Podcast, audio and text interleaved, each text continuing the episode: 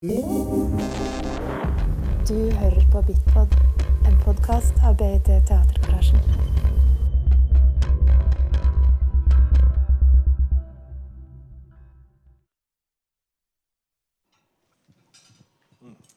Ok, da kan vi begynne. Da begynner vi veldig presis. Eh, så kanskje noen kommer inn etter hvert. Velkommen til Aldri mer Srebrenica.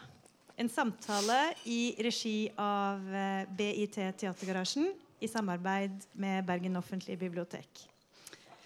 Eh, mitt navn er Ingrid Ellestad, og sammen med Caroline Skyseth og Vibeke Køhler er vi ansvarlig for kveldens arrangement. Eh, denne samtalen arrangeres i forbindelse med forestillingen 'Dark Numbers' av den bosnisk-fødte teaterregissøren eh, Thea eh, Tupajic, som vi viser senere denne uken. Eh, I 'Dark Numbers' har Thea invitert fire tidligere FN-soldater fra den nederlandske bataljonen Dutchbat 3 til scenen.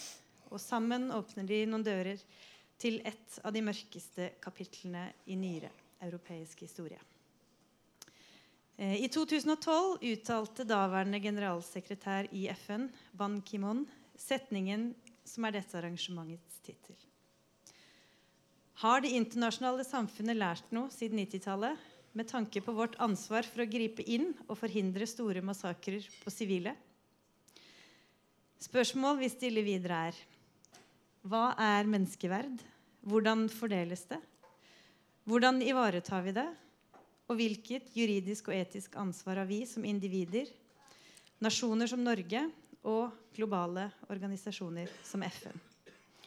Er verden delt i verdige versus ikke-verdige?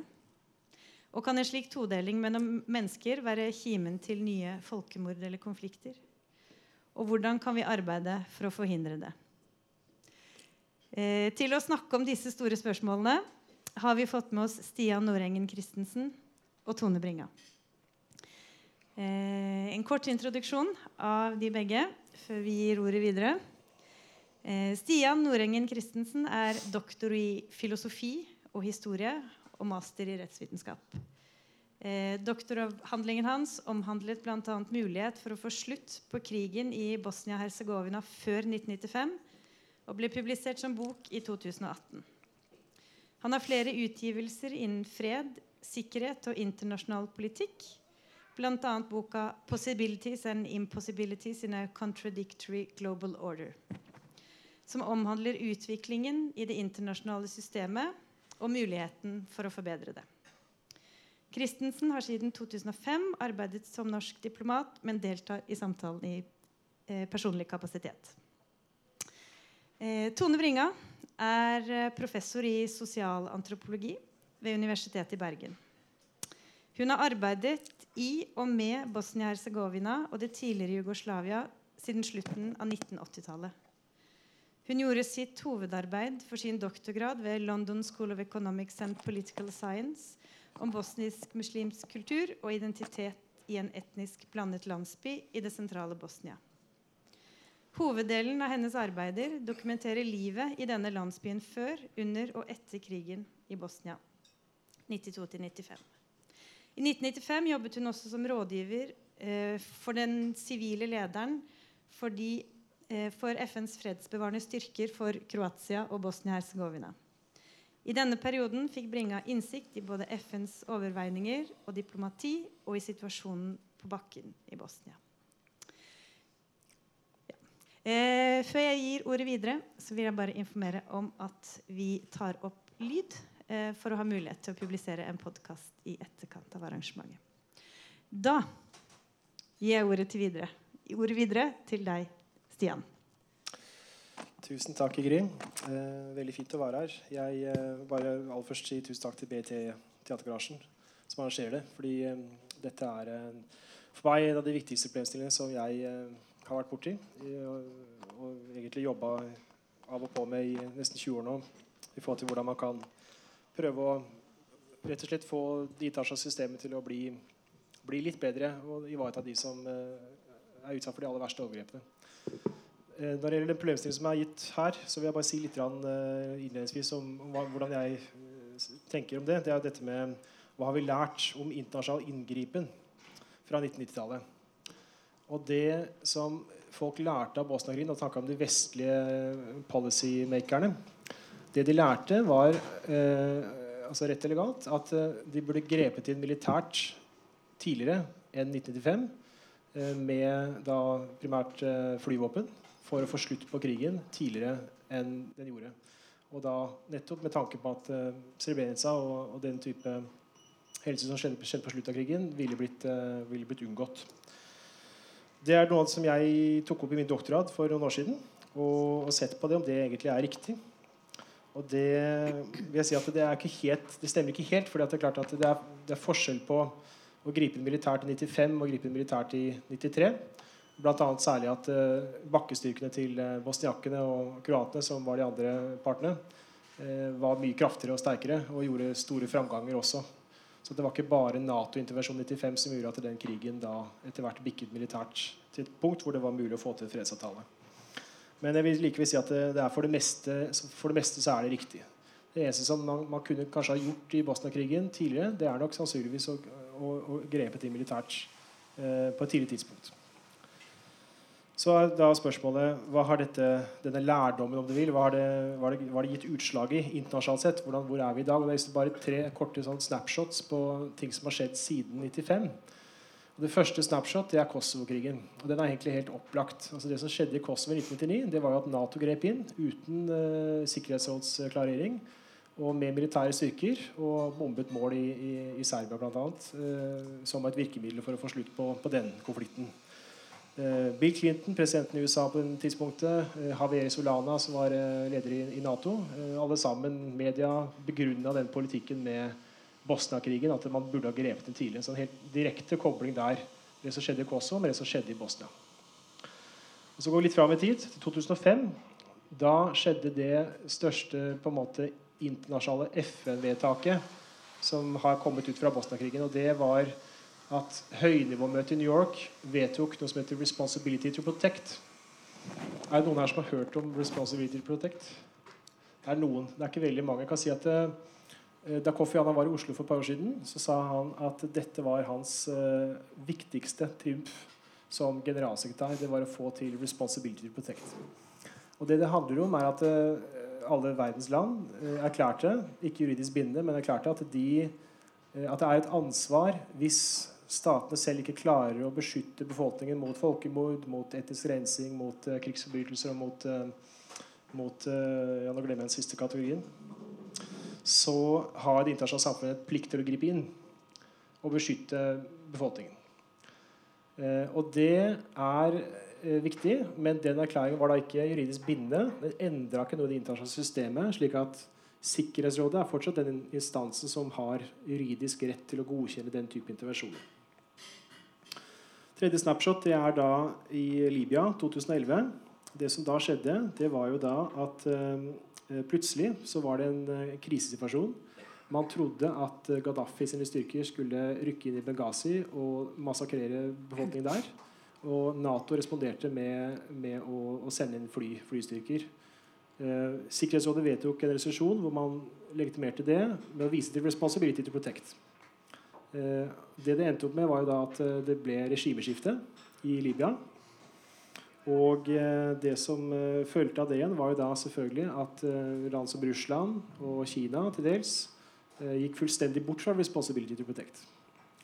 Slik at den suksessen da, som, vil, som Nato hadde med operasjonen, den ga en backfire i forhold til selve konseptet om å rykke inn internasjonalt for å beskytte sivile. Rett eller galt om selve operasjonen er en annen sak. Men det som da er tilfellet, er jo selvfølgelig at etter 2013 så har ikke det blitt brukt i det hele tatt. Og Russland har erklært at de vil ikke lenger støtte noen organisasjoner som har med Responsibility to Protect å gjøre.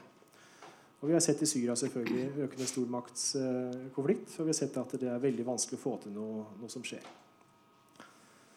Eh, Så det er altså rett og slett slik at det, det har gått ut, og det har gått inn. Og nå er vi i en situasjon hvor, hvor det er mye vanskeligere enn det var eh, tidligere. Og de folka som opplevde Bosnia-krigen, som var beslutningstakere der, de satt veldig mange av dem faktisk i, eh, i, i Obama-administrasjonen i 2011. Nå er de alle borte.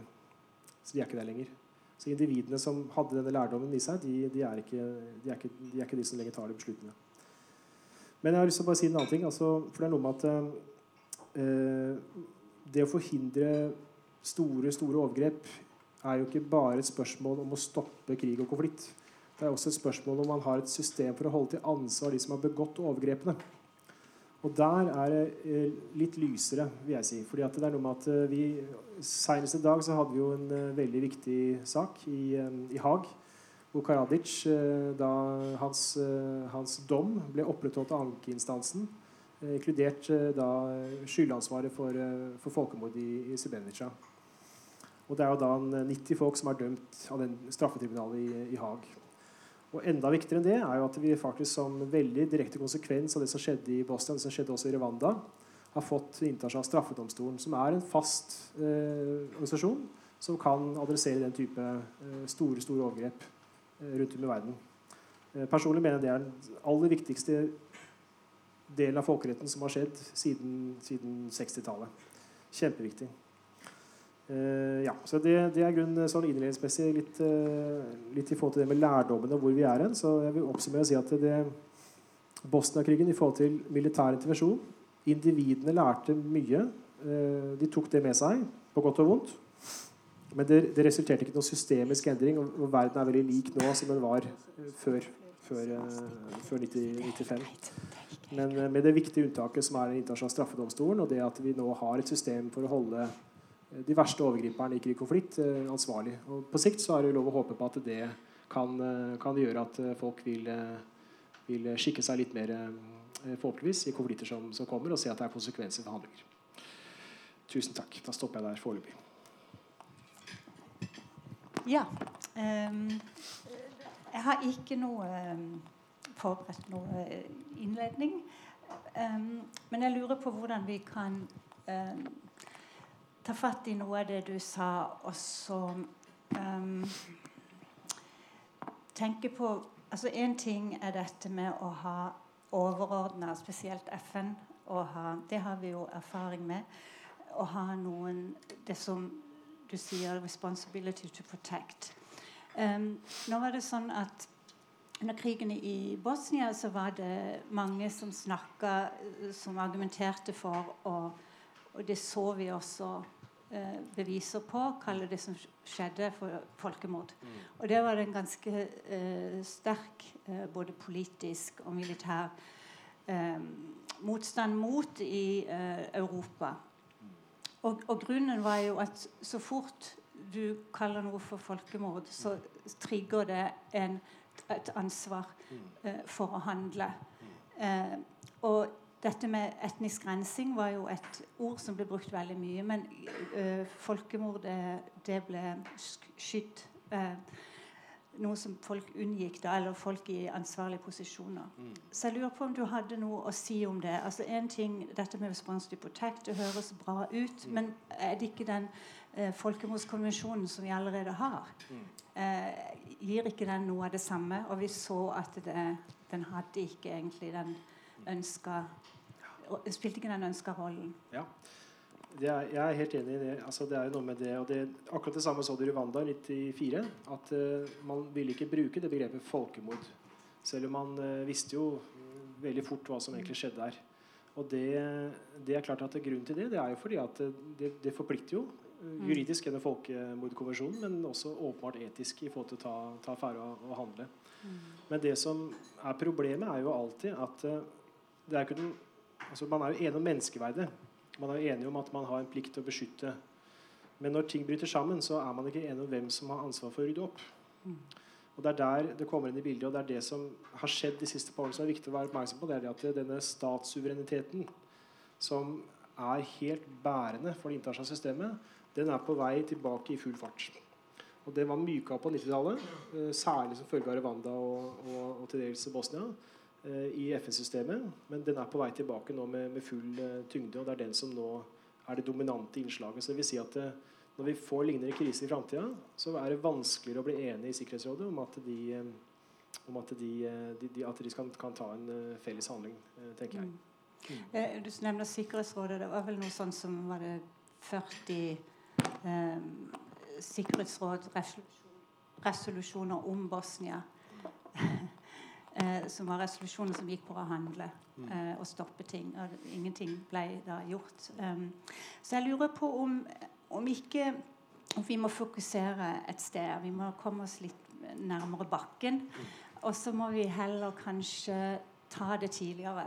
Du sier intervenering ja, eh, tidligere, og det er det mye som eh, har vi ganske mye indikasjoner på at hadde Nato bomba tidligere de serbiske posisjonene, så hadde det stoppa Mladic frammarsj i Srebrenica. Fordi de tok ett skritt, så venta de, så ingenting skjer.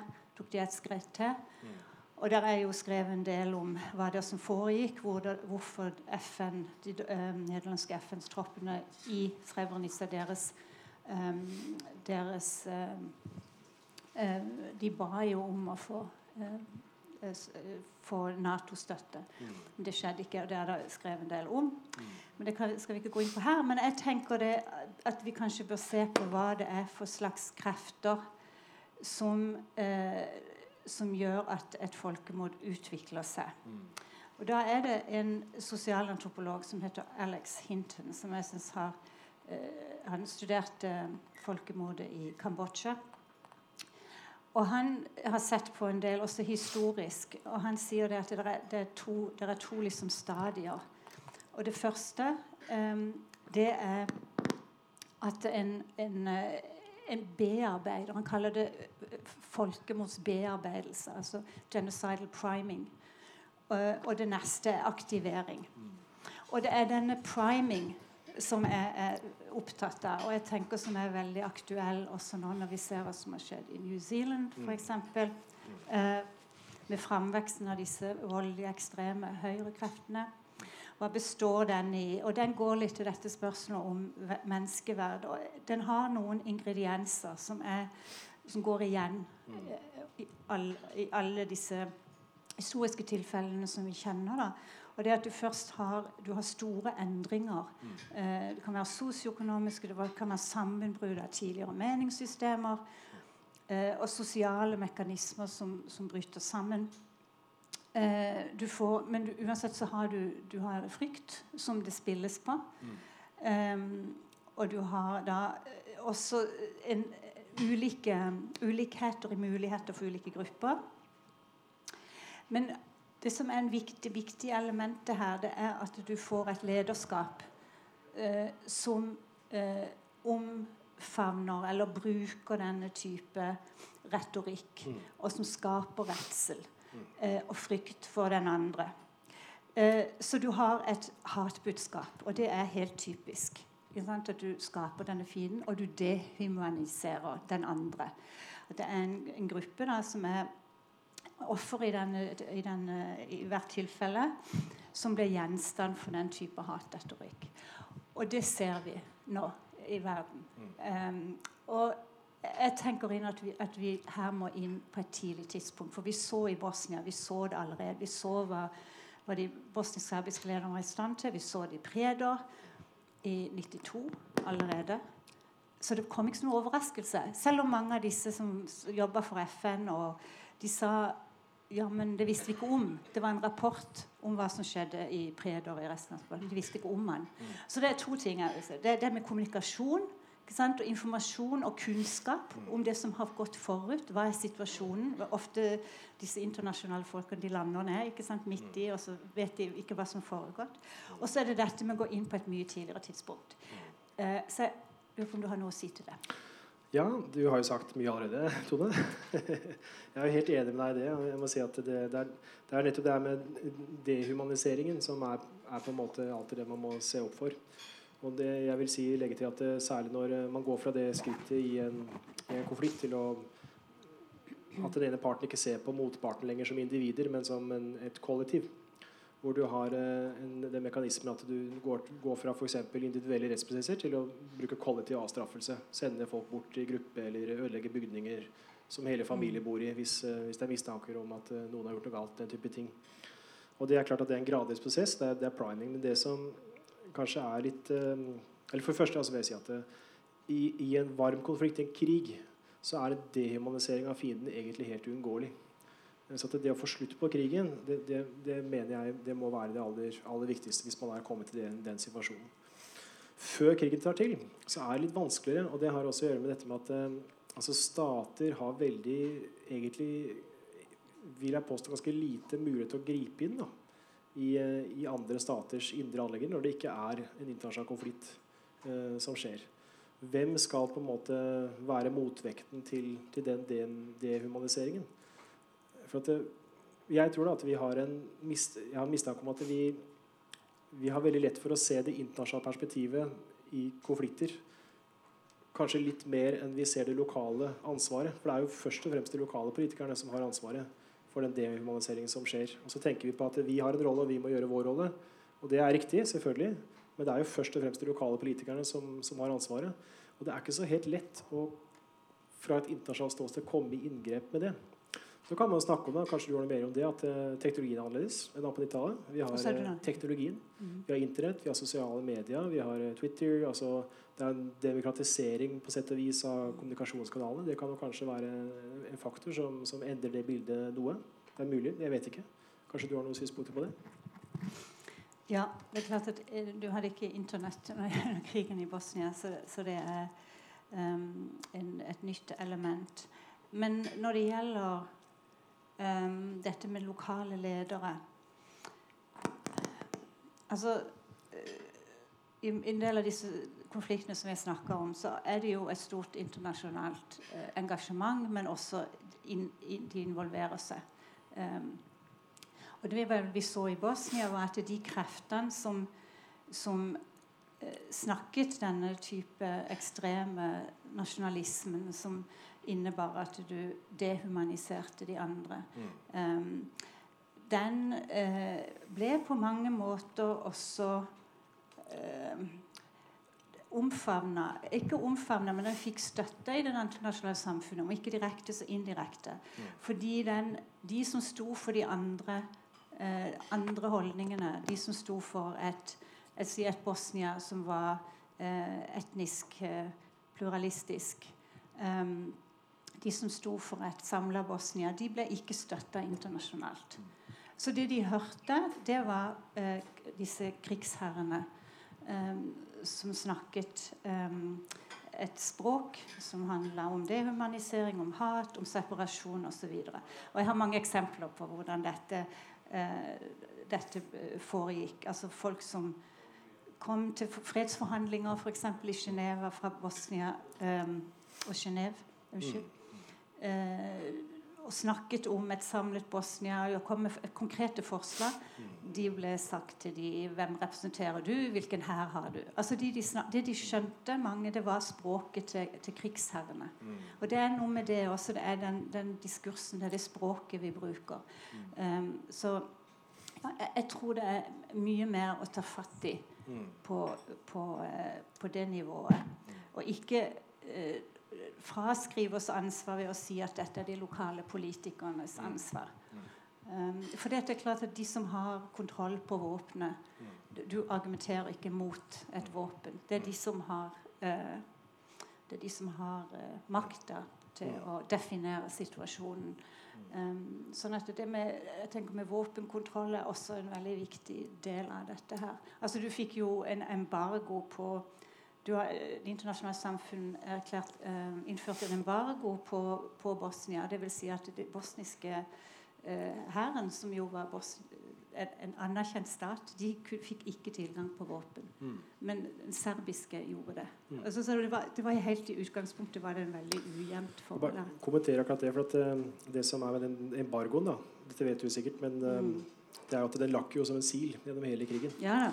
Og det, det gjorde da altså, som sier at uh, Bosnia-serberne fikk jo tilgang til våpen gjennom uh, gamle jugoslaviske hæren mm. tidlig. og Særlig tunge våpen, mens uh, særlig bosniske myndighetshæren fikk jo ikke det.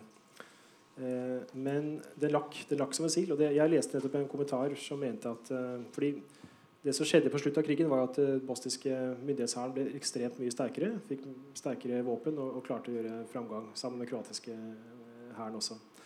Og Det var jo det som egentlig tippa balansen i krigen, og som gjorde at uh, partene kom til forhandlingsbordet i Dayton og, og faktisk lagde fred. Så det var en kommentar som gikk på at eh, nettopp mangelen på evne til å håndheve våpenembargoen Mm. var en viktig årsak til at den krigen gikk slutt. Eh, og Det er jo verdt å tenke på. Så den, den, Det er liksom ikke så svart-hvitt. for at det, det var nettopp de europeiske landene som argumenterte for at man må på ingen måte slippe inn våpen. Eh, som i ettertid har blitt anklaget av veldig mange for å forlenge krigen. Ved at man ikke Mm. eh, klarte å, å, å, gi støtte til, til de som da i all hovedsak var ofrene for eh, overgrepet. Mhm.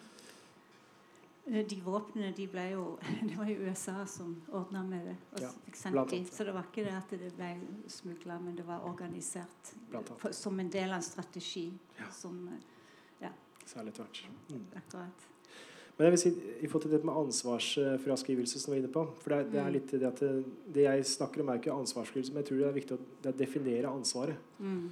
Eh, internasjonale har et ansvar, men vi kan ikke tro at FN kan rydde opp Mm. i den type eh, saker. Fordi min erfaring med å ha bodd en del rare steder i verden, er at folk leser sine egne kilder og sine egne aviser. Og tar, har sine egne nyhetssider i all hovedsak. Ja. Og særlig hvis det er krise og konflikt. Mm. Og så er det en selvforsterkende tendens, så man går gjerne til den gruppa som man føler man er nærmest. I tilfellet Bosnia så var det da de etniske gruppene. Eh, og Det er nok en dynamikk som til, til dels er veldig vanskelig å bremse utenfra. Eh, tror jeg. Det, er bare det. det betyr ikke at man ikke har ansvar for å prøve. Eh, Nå, an, nå ble jo Bosnia-Hercegovina anerkjent som en uavhengig stat. Mm. Eh, men mye av de, hvis du leser eh, mye av de kablene altså De kaller det kabler. det vet du som diplomat mye mer om det. Eh, som ble sendt av en del av de internasjonale fredsforhandlerne. Så, eh, så behandla de ikke Bosnia som en suveren stat. Men de behandla det som et, et eh, arena, en, en teater. Ja. ikke? Krigsscene for de, de kalte det 'warring fractions'. Um, som var likestilte moralsk. Eh, og det er jo eh, eh, det, er, det er jo problematisk, for det, det, det vil jeg si det endte i Srebrenica. Um, og ja Jeg vet ikke hvor, hvor dette tar meg helt, men, men um, eh, altså, Hvis vi skal snakke om eh, Bosnia eller Srebrenica aldri mer, så må vi snakke om hva- er det vi har lært. Og hva er det vi har lært? Har vi lært noe? Um, og det har jo vært veldig mange kommisjoner som har sett på dette. her. Og en av de er jo det du peker på vi skulle ha handla tidligere.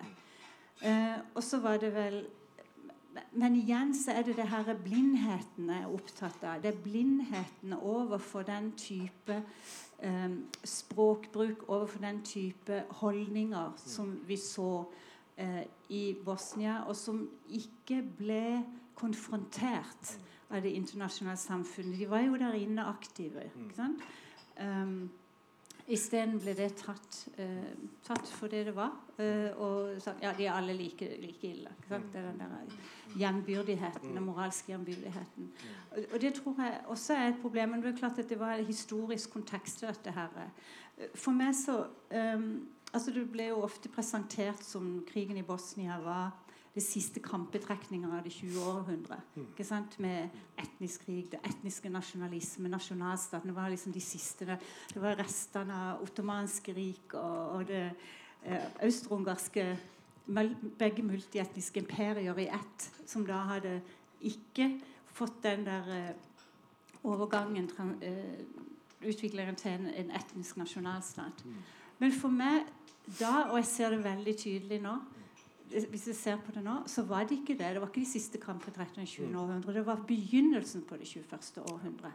Og det er der jeg ser så mye av de eh, konfliktlinjene, men også den retorikken som går på hat og dehumanisering av muslimer, som var drivkraften i den etniske rensinga i Bosnia. Den ser vi nå. Og dette var begynnelsen. Eh, og de bruker, og igjen vi ser det på han massemorderen i New Zealand Han, han trakk jo Dette var jo heltene hans. Karadic som nå i dag fikk en utvida dom fra 40 års fengsel til livstidsdom. Eh, han, han var helten hans. Eh, sånn at, og hele denne, og du ser nå i Tyrkia Erdogan som bruker dette De kristne er mot oss, ikke sant? og bruker dette med Tsjernakla, Galapoli Alt dette her. Så jeg, eh, dette er veldig mye. Men altså, jeg, tenker at denne Bosnia-krigen handler ikke bare om hva FN gjorde ikke FN gjorde. Den handler om en type dypereliggende eh, Ikke konfliktlinjer, men holdninger som ikke vi har eh, tatt oppgjør med. Mm. Mm. Jeg, jeg er jo helt enig. Jeg har bare lyst til å ta en liten kommentar på, på det med jevnbyrdighet først. For det synes jeg er et ganske springende punkt. fordi det var nettopp det som eh, gjorde at særlig Eller det var det særlig Storbritannia og Frankrike brukte som argument for å ikke gripe noe inn. i all hovedsak var nettopp det at det var jevnbyrdige warring factions som alle gjorde overgrep. Det skjedde overgrep på alle sider. Og så vet vi jo at det er jo ikke riktig. Det var jo ikke det. Statistisk sett så døde det jo mange flere bosniaker. 80% av de sivile var bosniaker som døde.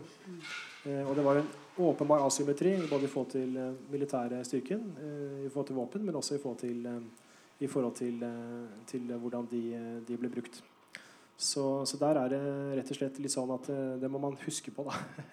Når man hører folk snakker om eh, gjenbydighet og overgrep skjer på alle sider, så er det veldig ofte så er det jo ikke sånn. Og det kan ofte være et litt påskudd for ikke å gripe inn, rett og slett. Eh, Så det er det ene. Og det andre er å si at eh, når det gjelder dette med eh, utviklingen i synet på den andre og menneskeverdet Det er eh, Er det Jeg vil jo gjerne tro at vi kan komme oss videre fra det. Og vi har jo det i deler av verden. Men samtidig så ser man at det skjer igjen og igjen og igjen. Ja, det det. Og når det er en krig som pågår, så er det nesten vanskelig å finne noe unntak. Da. Jeg kan egentlig ikke komme på noe. Kanskje du kan det, men jeg kan egentlig ikke komme på noe. Altså. Så det, det er på en måte noe med at uh, dette har en eller annen resonans i oss som mennesker. Da. Når krisen kommer, så er det en eller annen mekanisme som slår inn. Og Det er da jeg mener at det er så viktig å tenke på at vi har systemer planlagt og opprettholdt i forkant for hva man kan gjøre i den type situasjoner. Og også hva man kan gjøre i etterkant for å holde til ansvar de som eventuelt da eh, begår overgrep. Og så i forhold til igjen da Med det med, med folkemord så er det jo verdt å merke seg da, at den definisjonskonflikten om folkemordbegrepet i Bosnia den er jo egentlig Det er jo den straffetribunalet. Så straffetribunalet for Jugoslavia har jo egentlig definert det. Det er jo de som har kommet med definisjonen. Jeg tror jeg har hatt 4500 vitnemål, eh, 2,5 million sider med dokumentasjon. Så har jo de definert folkemordet. Eh, Ja, de måtte presisere det for at den kunne operasjonaliseres. Det, det er riktig. En ikke sant? sånn Så igjen så til mitt poeng da, om at det, vi, vi må tenke på at vi har de systemene, mekanismene, på plass Mm. som kan gjøre at folk holdes til ansvar, og som kan gjøre at vi også er i stand til å respondere når, når situasjonen krever det. Jeg har veldig tro på at det, det er veien å gå. Mm. Ja, det er helt klart at altså, den uh, folkerettsdomstolen i, som ble oppretta men meget motvillig av det internasjonale samfunnet, og som et plaster på såret fordi de ikke fikk eh, intervensjon eller andre typer mer kraftige eh, engasjement i Bosnia, og, som ble sultefòra også med, med penger og ressurser. Um, men eh, den har gjort en fantastisk eh, jobb. Eh, og den har jo lagt da, Det han har gjort, er jo ikke bare det at han har stilt disse til ansvar. Ikke de små, små fiskene, men de store lederne. Men den har også skrevet en historie, en autoritativ historie, faktabasert, om det som skjedde, som er uhyre viktig. For det, det er jo så mange sannheter eh, som virvler rundt i om denne krigen, som eh, da brukes og misbrukes. Så det at vi har en autoritativ eh, historie om det som skjedde Så alle de som er interessert, kan gå inn på sidene til Krigsforbryterdomstolen og finne det. Um, Enig. Og så vil jeg bare legge til at det, Jeg fulgte jo litt med på Twitter i dag i forbindelse med Karadic-saken. og det var, det var masse intervjuer med, med ofre og etterlevende, Mm. mm. enker osv. fra, fra Srebrenica. Det eh, Fellesnevneren er jo at de uttrykker en utrolig lettelse eh, over å, å få en dom. mm, Og at det er noe med closure, men også at det, sant, mange av de sier at eh, dette er viktig for at vi skal forhindre at det skjer igjen. mm, Og at folk holdes til ansvar. Eh, At man ikke har straffrihet for, eh, for forbrytelser. Mm. Det tok veldig lang tid, og det var mye frustrasjon, men alle de som sto på den lista, de ble arrestert og eh, ble dømt. Mm. Um, så, det, så, det, er noe som er, er, veldig, veldig bra. Mm. Uh, ellers så vet jeg ikke andre typer uh, instrumenter som kom på plass. altså som, Det var aldri Srebrenica. ikke sant? Så det internasjonale samfunnet fikk seg jo en skikkelig uh, oppvekker med Srebrenica. For det hadde vært litt sånn ja, Vi prøver å se, og så går så De var ikke helt um, Det var litt sånn spill for galleriet. Um, det som, som, ble, som da internasjonale samfunnet gjorde og ikke gjorde. men men det er altså det 'responsibility to protect'. Er det noe mer eh, som den eh, krigen har ført til? Og så er det krigsforbryterdomstolen. Mm. Um, er det, noe mer? Det er mange negative ting også, tenker jeg. Ja. Ja. som man faktisk også må huske på. fordi det er noe med at ting går jo gjerne ikke én vei. Mm.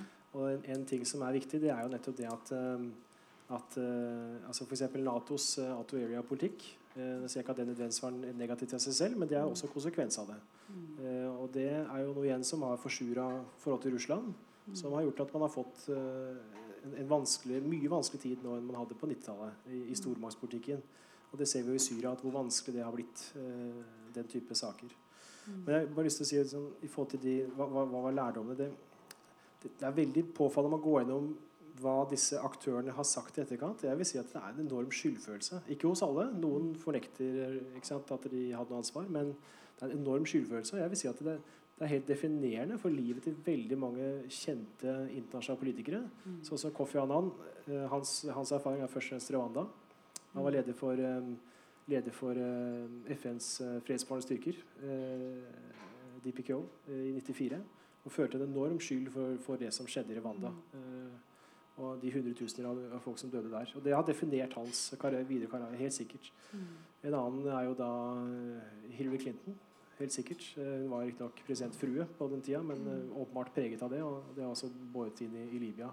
Det er flere andre aktører som man kan se det samme i. at, at det har preget ham. Men er, poenget mitt er bare at det, det mangler det siste støtet å, å gjøre det, de lærdommene og den ansvarsfølelsen om til noe håndfast som faktisk kan vare lenger enn disse individenes karriere. Mm. Det har vi ikke helt sett, med unntak av straffedomstolen. etter min mening. Det, det bare bringer meg inn på dette med Du snakker om personer, og det med, med at det har prega de. Um, og det jeg så når jeg jobba i, i, i, FN under krigen, um, på, hovedkvarteret i Zagreb, det er jo det at det faktisk hvem det er som sitter i ulike posisjoner, det betyr noe. Det betyr veldig mye, faktisk. Så det er ikke sånn at det bare er Vi får et uh, regelverk inn, et apparat inn på plass. Mm. For det er jo ofte åpent for fortolkning. Og det har jo vært en diskusjon blant de som var i FN-apparatet, da, om det var sånn at FN ga de denne mandatet. Det var jo hele tiden snakk om mandatet. Mm. Noen mente mandatet gir oss anledning til dette. Og andre sa nei, det gir oss ikke anledning til dette. Så det er uenighet. Men, men det, det, det, er veldig tydelig at eh, det er Og, og my, mye av det som da seinere er blitt Og folk forsto som konspirasjoner og sånn, det er bare rett og slett udugelighet. Mm. Det er mye udugelighet, dessverre, også i sånne type organisasjoner. Men jeg lurer på om du har noe Du har jo filosofisk bakgrunn og også rettsvitenskapelig. Dette her med rollen til individet som sitter i posisjoner og kan ta avgjørelser, kan velge å handle eller ikke handle, og kan gjemme seg bak eller legitimere handling, ikke-handling med type byråkratiske regler, og i dette tilfellet det berømmelige mandatet. Da, som, jeg vet ikke om du har noen tanker rundt det? Det er, det er, veldig vanskelig å svare på sånn generelt, syns jeg. For jeg er jo helt enig med at individene er viktige, men så er det noe med at de, de har disse mandatene og disse retningslinjene å forholde seg til. Og, det, og det, er, eh, det, er, til dels tvangstrøyer av og til. Og det er til dels uh, umulige oppdrag av og til, sånn som det har vært for mange av de fredsbarende styrkene. Og så er det til dels uh, noe å, å, kanskje gjemme seg bak uh, hvis man ikke tør eller vil av andre årsaker handle der det egentlig er etisk riktig. Mm. Å generalisere syns jeg er vanskelig, men det er helt klart at det er, en, eh, det er begge deler. da. Det er individene, og så er det, og så er det systemene og reglene og mandatene, og, og det preger dette her. Mm. Ja. Ja, og så er det jo mange ulike deler av sånne svære organisasjoner, sånn som FN i dette tilfellet. Da, og det er ikke alltid den ene delen vet hva den andre gjør. Eller også er det kommunikasjonsflyten og informasjonsflyten. Også, Det er vanskelig bare mellom departementer i Oslo. Mm, ja. Men det er klart at når du har en organisasjon som har hovedkvarter i New York, og så får etterretning fra felt i Rwanda Mm. eller Bosnia, og så går de inn i hovedkvarteret og via stater og inn i Sikkerhetsrådet med 15 medlemmer, Mm. så, så er det vanskelig å, Mm. å bli helt enige om akkurat hva som er nødvendig å gjøre. Det er det, altså. Ja, så er det noe med plasseringa. Vi ser jo i disse diskusjonene vi har hatt rundt eh, eh, det som skjedde i Srebrenica, da, hvem som gjorde hva og ikke gjorde hva, så er det en enorm avstand mellom de som satt i New York, FN, de som satt i Zagreb, og de som satt i Sarajevo, i forhold til eh, avgjørelstagen og Srebrenica og rapporter og hva som skjedde, og hva som burde gjøres. Og ja. Så det er vel kanskje en, en kan si noe om at de som er nærmere hendelsene, de har nok kanskje bedre innsikt.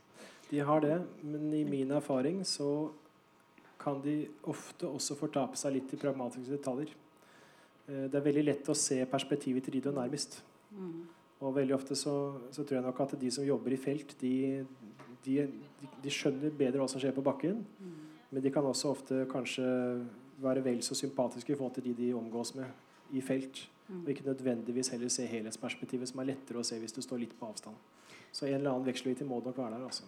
Men helhetsperspektivet, hva er det? Er det, det er andre staters eh, egen eh, politikk? Altså, for det er jo det det går på. Altså, disse, sånn som FN er jo bare summen av alle statenes eh, eh, Statenes eh, holdninger, da, og statenes politiske Ja, det er jeg faktisk ikke helt enig i. Altså. Tone, må jeg si. Jeg er enig med det meste du sier, men akkurat der vil jeg si at det er ikke bare det. altså. Sikkerhetsrådet er litt sånn. Mm. Men FN er jo så mye mer enn Sikkerhetsrådet. Det er jo et kjempeapparat som er, eh, er til stede for å drive med humanitærhjelp og for å drive med fredsbarende operasjoner og generalsekretærens eh, stab osv. Som, som ikke er Det er mer enn summen av statsinteresser, mener jeg. altså. Mm. Der er det, noe, det er noe der som faktisk uh, har noe for seg, etter min mening. Mm. Ok. det er ikke helt min erfaring, men jeg tror, jeg tror det kommer på store landene, kanskje. Mm. Hvor viktig de er. Mm. Ja. Vil du Ja. Um, ja, det var ikke, er ikke meningen å avbryte her. For jeg, jeg, jeg kjenner at dette her kan vi, eller dere kan snakke om det. Og jeg tror det er veldig mange andre som sitter inne og har um, en del spørsmål. Så jeg bare lurer på om vi skal bruke skal bare, uh, ja, Om vi kan sette en pause på der dere er nå, og, og åpne opp for noen spørsmål. For jeg ja, har i hvert fall uh, to her som har meldt seg. Um, så ja.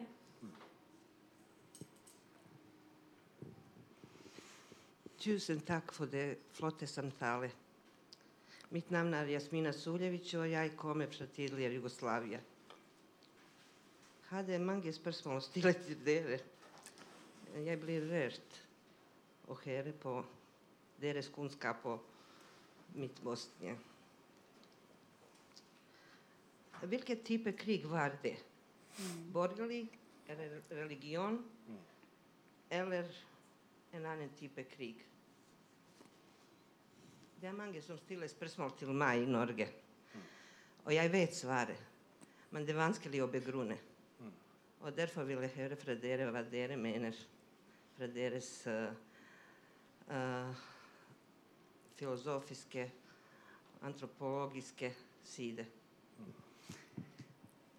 det var ikke en religionskrig. Hva sa du? Det var, jeg sa det var ikke en religionskrig. Um, nei, altså For å forstå hva slags type krig, da, så må vi jo se hva som gikk forut. Eh, og det var Titos Jugoslavia. Eh, og da var det ingen til å overta. Eh, og det var for meg eh, kamp om eh, territoriet, kamp om eh, makt, kamp om hvem som skulle overta Jugoslavia. Arven etter Jugoslavia. Og så er det en, det er en ganske komplisert og lang historie og hvorfor det var sånn at det ble da, når du fikk eh, demokratiske valg i 1991, hvorfor det da var etniske partier. Det var fordi at Under Jugoslavia-tida så var det Det var jo ett parti, det kommunistiske parti. Men det var likevel politisk mangfold. kan du si. Folk kunne velge, eh, stemme på sine kandidater. Men det var det basert på etnisitet. Så det lå allerede i det politiske systemet. Og du hadde ikke noe overgang, så du gikk direkte fra det systemet til demokratiske valg. Uten å ha noe imellom. Sånn at folk stemte for det som de hadde stemt på før, og det var ifølge etnisitet. Det var sånn um, hver etnisk gruppe eller nasjonalitet hadde sine representanter. Så det var én grunn. Um, og jeg vet ikke om du har noe mer å si om det, men um, det var jo flere kriger i Europa. Etter oppløsning av Sovjetunionen også, så hadde du krig i Georgia. ikke sant?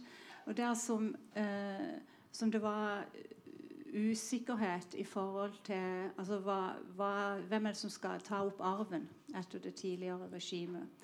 Um, så, så, det var jo rent uh, krig om kontroll over uh, folk og territorium. Ja. Et spørsmål til, hvis jeg får lov. Hva sa du? Et spørsmål til, hvis jeg får lov. Uh, hva var interesse å delegge Jugoslavia og støtte krig en lang periode i stedet for å stoppe? Og hvem ønsket det? Du, jeg skjønte ikke helt hva du sa. Det. Hva var interesse å, ødelegge Jugoslavia og støtte krig en lang periode i stedet for å stoppe? Hvem ønsket det? Hvem ønska å ødelegge Jugoslavia? Hva du sa Ja, tidligere, tidligere Jugoslavia eller å ødelegge Bosnia.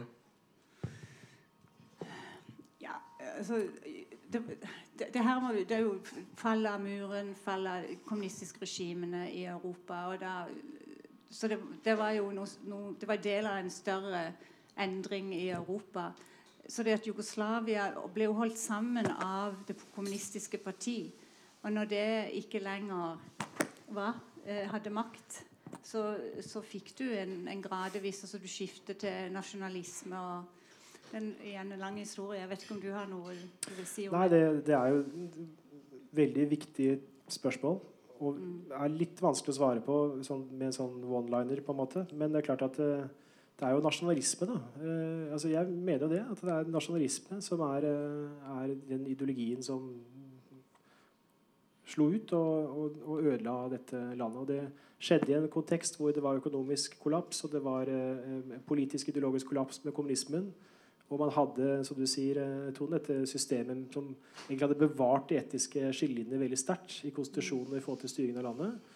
Og det var veldig nærliggende å, å, gå tilbake til, til, nasjonen eller de nasjonale gruppene som en sånn uh, minstefelles multiplum i en krisetid. Og det er veldig vanlig i krisetid at man griper til den identiteten som kan gi deg best beskyttelse presumptivt. Og i dette tilfellet så var det i nasjonen. Det er klart at uh, religionsperspektivet det det henger veldig nært sammen med etnisitetsdefinisjonene pga. det ottomanske riket og hvordan de delte inn, eh, delte inn sine, sine, områder på Balkan.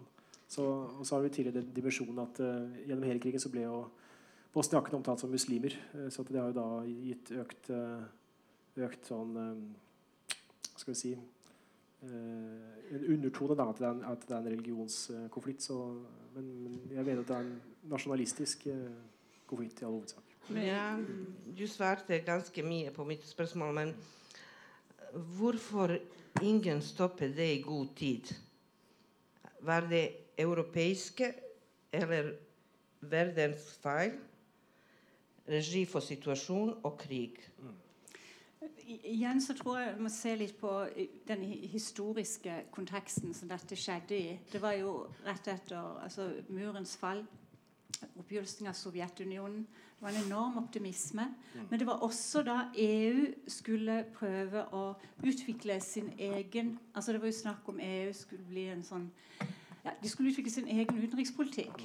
Eh, og skape en motvekt til USA. Eh, og det, da var jo og USA overlot i grunnen til EU eh, e å ta For dette var et europeisk spørsmål. Men de klarte ikke helt dette. Så det ble veldig mye uenighet. Eh, det kollapsa egentlig, det som skulle være det, det, testprøven på nå, å ha en felles eh, EU-utenrikspolitikk. Det er i hvert fall det. Jeg vet ikke om du har noe å si om det også. Nei, den, den konflikten som var mellom det internasjonale på det tidspunktet, var primært at uh, Clinton-administrasjonen ville jo da løfte våpenembargoen. Det var deres valgkampløfte faktisk, i 92. Løfte våpenembargoen, bevæpne bosniakene og uh, bombe uh, bosnisk-serbiske Det var USA. Det var USA. Det var, det var Clintons posisjon. Mm. Men han fikk motstand fra særlig UK og Frankrike Mm. på det. For de trodde at De begrunnet med at det, det, er, det er flere sider. Alle, alle kjemper mot hverandre. Mm. Eh, overgrep på alle sider. Og at de, de mente at eh, forhandlinger ville føre frem. Mm. Det var jo det som var greia. Så at det, klart, hvis du har tro på at forhandlinger vil føre frem, så gir du mening å isolere og forsøke å dempe, dempe flyt av våpen osv. Eh, Og, og så er det i ettertid er det jo lettere å si da, at de forhandlingene de ville nok ikke ført frem. Det, det, var, det var kanskje ikke mulig for de forhandlingene før frem. Det var ikke så lett akkurat der og det. Det må, det må man kunne si. Og det var det konflikten som spilte seg ut. Og så etter hvert så, så fikk jo Clinton-administrasjonen sin vilje i, i stor grad med at de unilateralt løfta våpenembargoen, og så, og så ble jo Nato da rykkende inn med sine, sine militære styrker. Det er kanskje noen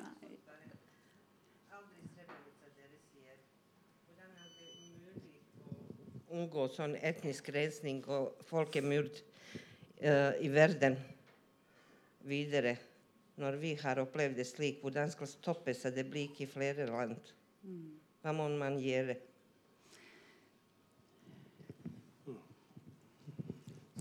Ja, ja, det er vel det det er vel det dere har prøvd å svare på litt tidligere, og dere kan sikkert eh, for all del komme tilbake igjen til det. Eh, jeg har altså, to kommentarer og to spørsmål, kanskje. Eh, det ene er jo altså, Det er jo problematisk med folkeretten og hele det overnasjonale systemet når, når det, dette er blitt forpurra i Palestina-Israel-konflikten i de siste 50-70 år, og stadig vekk står der og maler sunt. Um, og nå mens Karadzic var det det, så fikk livstidsdom Fra 40 år til livstidsdom, så er det jo andre steder i Serbia hvor han får oppkalt universiteter og Mm. gater etter seg, så konflikten er fortsatt eh, høyst levende. Eh, men så har jeg noen spørsmål. da. Det ene er d- Denne konflikten med muslimer. Og, og bildet av muslimer har jo blitt veldig endra siden eh, Srebrenica og den konflikten, eh, eller og Bosnia-krigen. Kan du kommentere litt eh, er det noe tilsvarende, Var det noe tilsvarende muslimhets eksempel der, som vi ser nå, bare globalisert? Eller eh, Jeg vet ingenting om det, men det hadde vært eh, interessant å høre. Og det andre er mer dette her ned på bakken, og kanskje litt eh, i forbindelse med Norge og denne forestillingen. Eh, Stoltenberg sa at eh, de er alle serbere. Sant? Og det var de jo enige om helt til at de fant ut sjøl at det var noen som ikke var serbere blant oss, og så tok ut Sebrenica. Eh, og òg Ny Tid som fortalte om at det er en norsk general som var på ferie akkurat da. Så, hadde, så var øverstkommanderende for noen av de nederlandske styrkene. Eh, ja. Det er vel kanskje mitt felt, da. Dette. um, muslimhets. Um, ja, altså i uh, Muslimer ble nok sett Altså, de, de, ble, de ble nok sett på Også i Jugoslavia som altså Det var jo ikke noe sånn eh, uttalt offentlig retorikk, men det var altså, Jeg kan bare gi et sånt veldig konkret eksempel. Når, eh, I 90, da når det begynte å demokratisere seg i Jugoslavia Jeg hadde jo bodd der under, under kommunismen. Og da hadde jo fort vært veldig forsiktig med hva de fortalte meg. Men da kom det fram eh, fra folk som, altså bosniske muslimer som sa at på skolen så hadde de følt at de var mindreverdige. Og det er litt med hvordan denne eh, historien ble presentert i eh, historietimene at eh, muslimer var altså, de, hadde, de var illojale. De hadde bytta religion under ottomanene. De er jo slavere. Sant? De er jo, de er jo alltid vært der. De er ikke kommet fra noe sted. De er ikke tyrkere. Det er jo liksom nedsettende ord. Så det var, og det så en begynte på slutten av 80-tallet med denne Etter hvert som um, nasjonalisme begynte å vokse fram. Jeg hadde flere ubehagelige opplevelser eh, med, når jeg var sammen med bosniske muslimer. Vi ble angrepet av serbiske nasjonalister, f.eks. Og da ropte de masse sånne ukvemsord etter. Og det, og det er jo, så det var der, men det var under det, det, det, var ikke så tydelig. Det var ikke ute i det offentlige rom på den måten. Så det, var krefter der som da når nasjonalismen vokste fram, og med disse nasjonalistiske lederne sånn som Karadzic, som tok dette ikke sant, og, og brukte det og styrka det. Så Du må ha ledere som, som er bærere for dette i det offentlige rom, som er bærere for denne type holdninger og ideer. Jeg vet ikke om det svarer noe på, på spørsmålet akkurat om det? Jo da, det, det gjør for så vidt det. Ja. ja.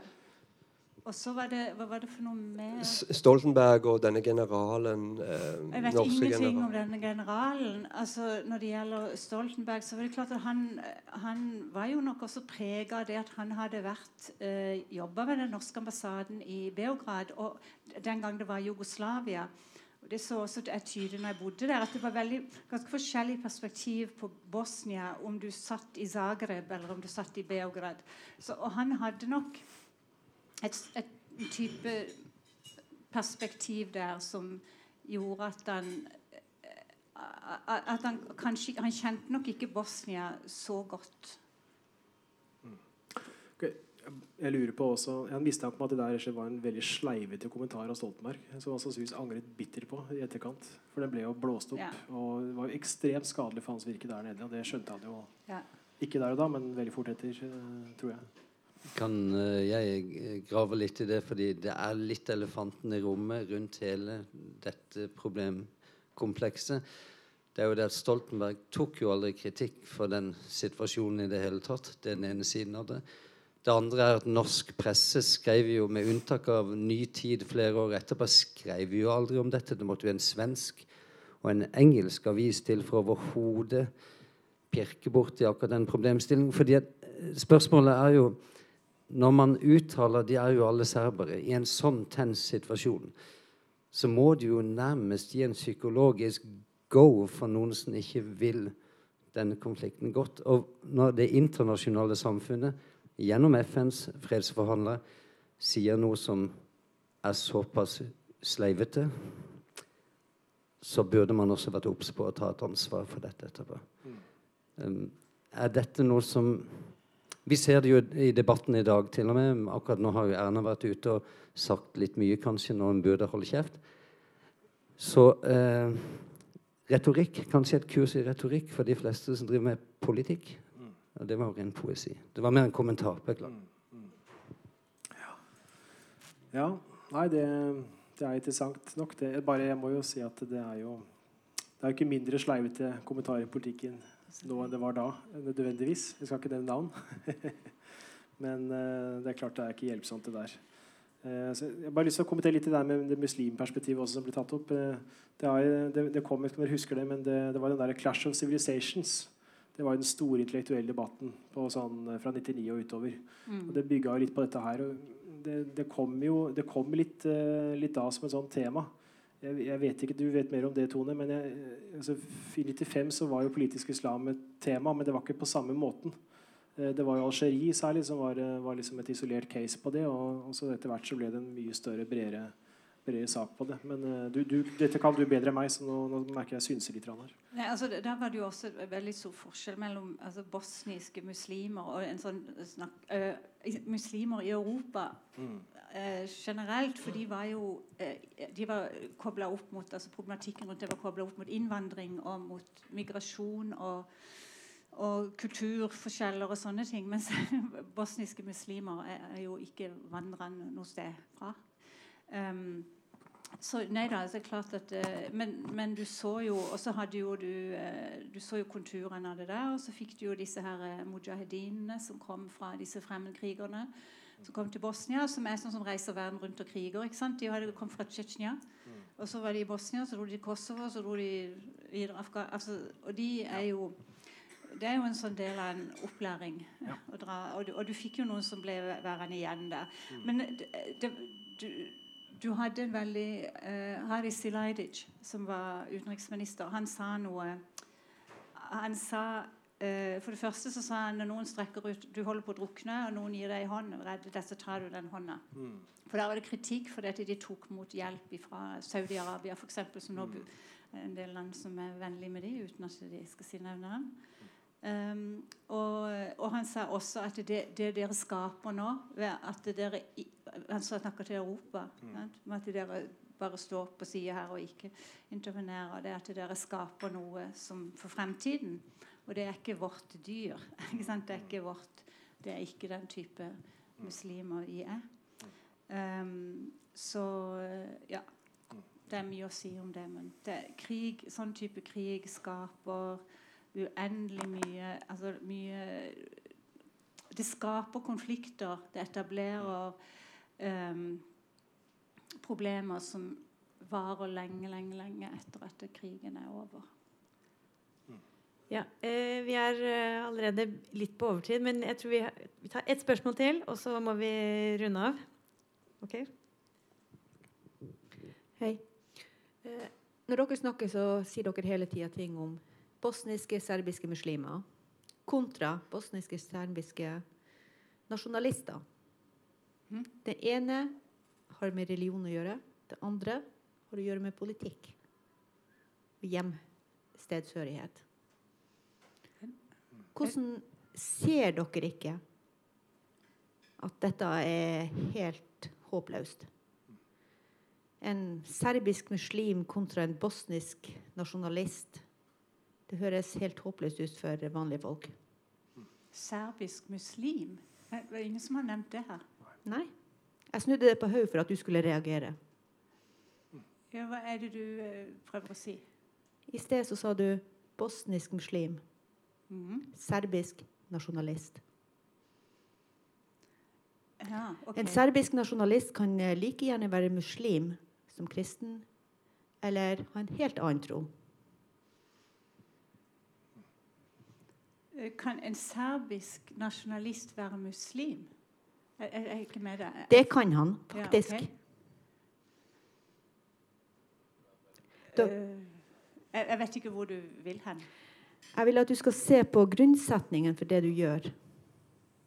Når du nevner religion kontra politisk overbevisning, så må du være klar over forskjellene. Å være muslim eller kristen, Okay. eller ha en annen religion, eller Ok. ikke ha religion Ok, Kan jeg bare få si noe? Eh, det, nå er det sånn at i, I Bosnia så er muslim en etnisk betegnelse. Og det er arven etter Titos Jugoslavia. Det er en nasjonalitet. Og det, er der, og det var jo det som var så vanskelig. Under Jugoslavia så skilte de mellom å skrive muslim med liten m, som var en religi- betegnelse på religionstilhørighet, og muslimen m, som var en etnisk tilhørighet. Og jeg tror Det er der det var også noe av forvirringen eh, i Europa og internasjonalt når vi snakker om disse muslimene. Men så snakker vi om serbere og kroater, som er eh, nasjonale eller etniske eh, merkelapper. Og Det ble forvirrende. og Derfor så begynte det bosniske eh, muslimske lederskapet, altså som Alija Izetbegovic og de han som var president, de begynte å tenke på at de måtte kanskje endre denne betegnelsen for at de skulle bli bedre forstått, og de skulle bli forstått som en nasjonal etnisk eller nasjonalitet i Bosnia på lik linje med serber og kroater. Så da eh, avgjorde de, eller bestemte seg for at den offisielle betegnelsen skulle være bosniak. Og det er det nå.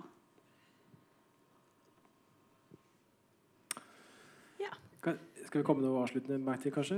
Ja, det er bare, jeg har lyst til å si, for det, det er et ekstremt alvorlig tema og veldig dystert. Og det er litt sånn dystert om dagen internasjonalt også. Men jeg, eh, jeg liksom, For meg så er det inspirerende å se litt på hva som har fått til i fortida.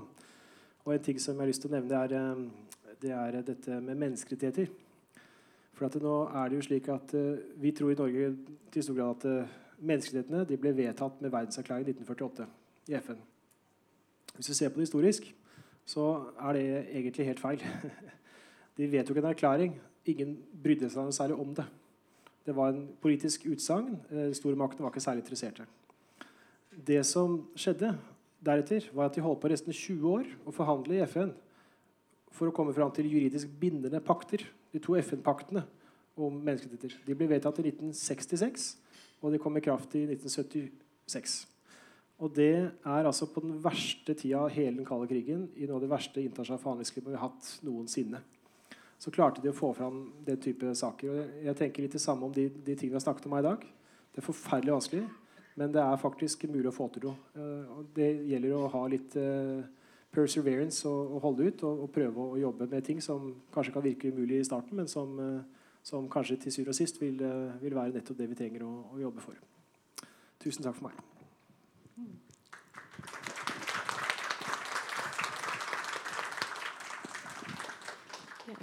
Ja, tusen takk, eh, Stian og Tone, for uh, veldig, veldig mange spennende tanker, perspektiver, kunnskap. Uh, ja, vi, vi, kunne fortsatt, og um, vi skal fortsette. På fredag og lørdag så viser Thea Tupacic forestillingen 'Dark Numbers' i Studio Bergen med tidligere soldater fra eh, den nederlandske bataljonen Dutchbat 3 eh, på scenen. Eh, på fredag så blir det en samtale eh, mellom aktørene, regissøren og Vibeke Køhler. Eh, hvor man får anledning til å gå nærmere inn på deres opplevelser eh, og Thea og hvordan hun behandler disse temaene i kunsten. så håper vi ses. Eh, så kan vi fortsette samtalene rundt bordet her også. Takk for at dere kom.